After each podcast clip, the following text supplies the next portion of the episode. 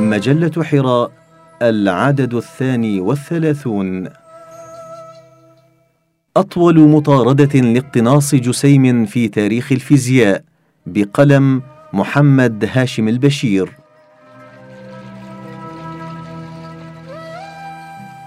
اكتشف الفيزيائيون حتى الآن 12 لبنة من لبنات بناء المادة والآن بعد خمسين عاما من البحث ربما توصلوا إلى اكتشاف اللبنة التي أفلتت منهم طيلة هذه السنوات أو ما يسمى بوزون هيغز في ختام عام 2011 فقد تناقلت الصحف خبر اكتشاف جسيم بعد معلومات جمعت من تجربتين أدت إلى اكتشاف البوزون الجديد الذي صدمتني فيه تسميته بالجسيم الرب.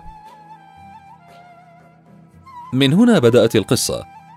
تبدأ قصة جسيم هيغز منذ عام 1964 حيث استحوذت فكرة الجسيم المفقود على عقل الشاب بيتر هيغز وخرج منها بحيلة رياضية بسيطة وبالغة الأهمية في نفس الوقت.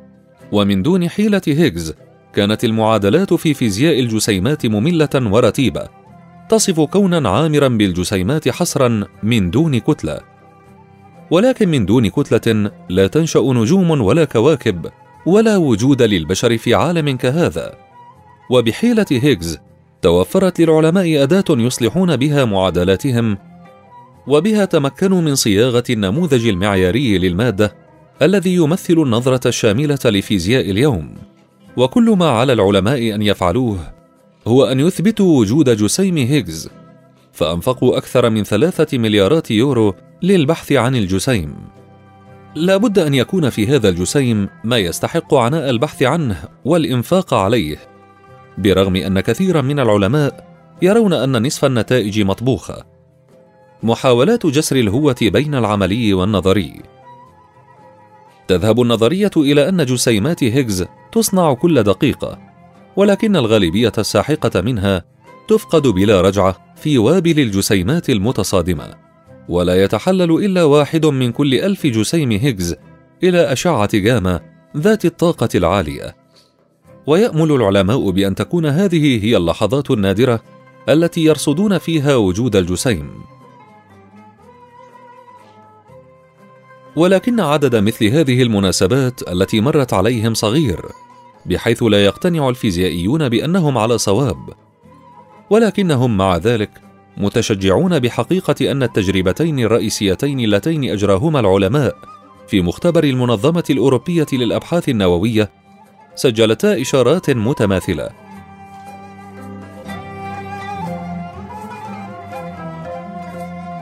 ويتفق فريقا العلماء اللذان أجريا التجربتين المنفصلتين على أن المسألة يجب أن تحل في عام أو عامين.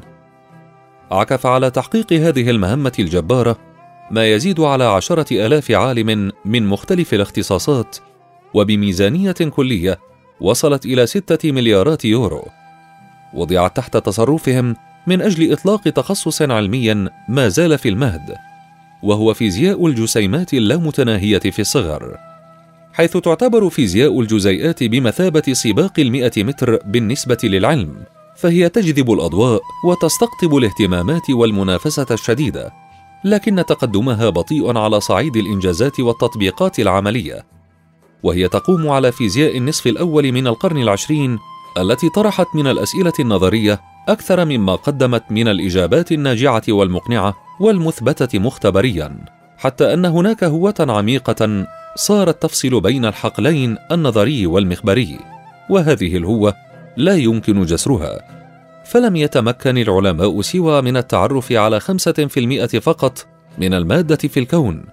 ولا بد من العثور على المفتاح السحري المتمثل ببوزونات هيغز وإلا سينهار الصرح العلمي للفيزياء المعاصرة.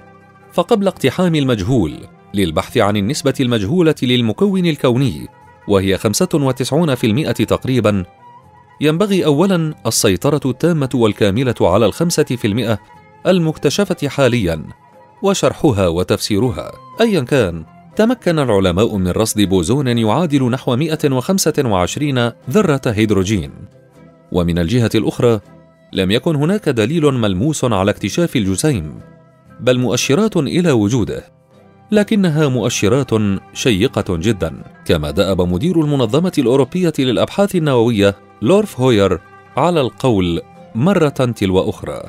إشكالية معرفة أم إشكالية منهج؟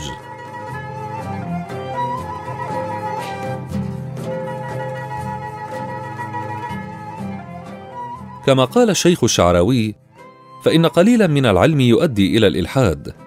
كثيرا من العلم يؤدي إلى الإيمان. قليلا من الفلسفة يؤدي إلى الإلحاد. كثيرا من الفلسفة يؤدي إلى الإيمان. من هذا المنطلق فإن الله سبحانه وتعالى يقول ما أشهدتهم خلق السماوات والأرض ولا خلق أنفسهم وما كنت متخذ المضلين عضدا. فعملية الخلق بأبعادها الثلاثة خلق الكون وخلق الحياة وخلق الإنسان هي عملية غيبية لا يمكن للإنسان أن يصل فيها بجهده منفردا إلى تصور صحيح. والخلق هي عملية غيبية وهذا ما أخبر به ربنا عز وجل في القرآن العظيم.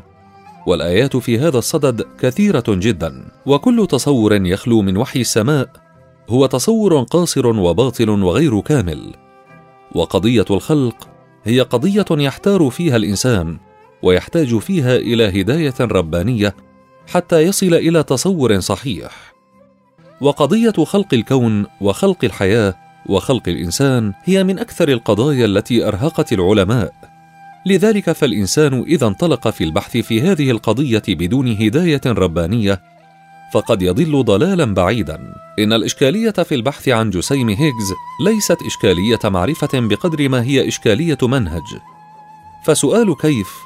لا يطابق سؤال سيدنا إبراهيم عليه السلام لربه سبحانه وتعالى أرني كيف تحيي الموتى؟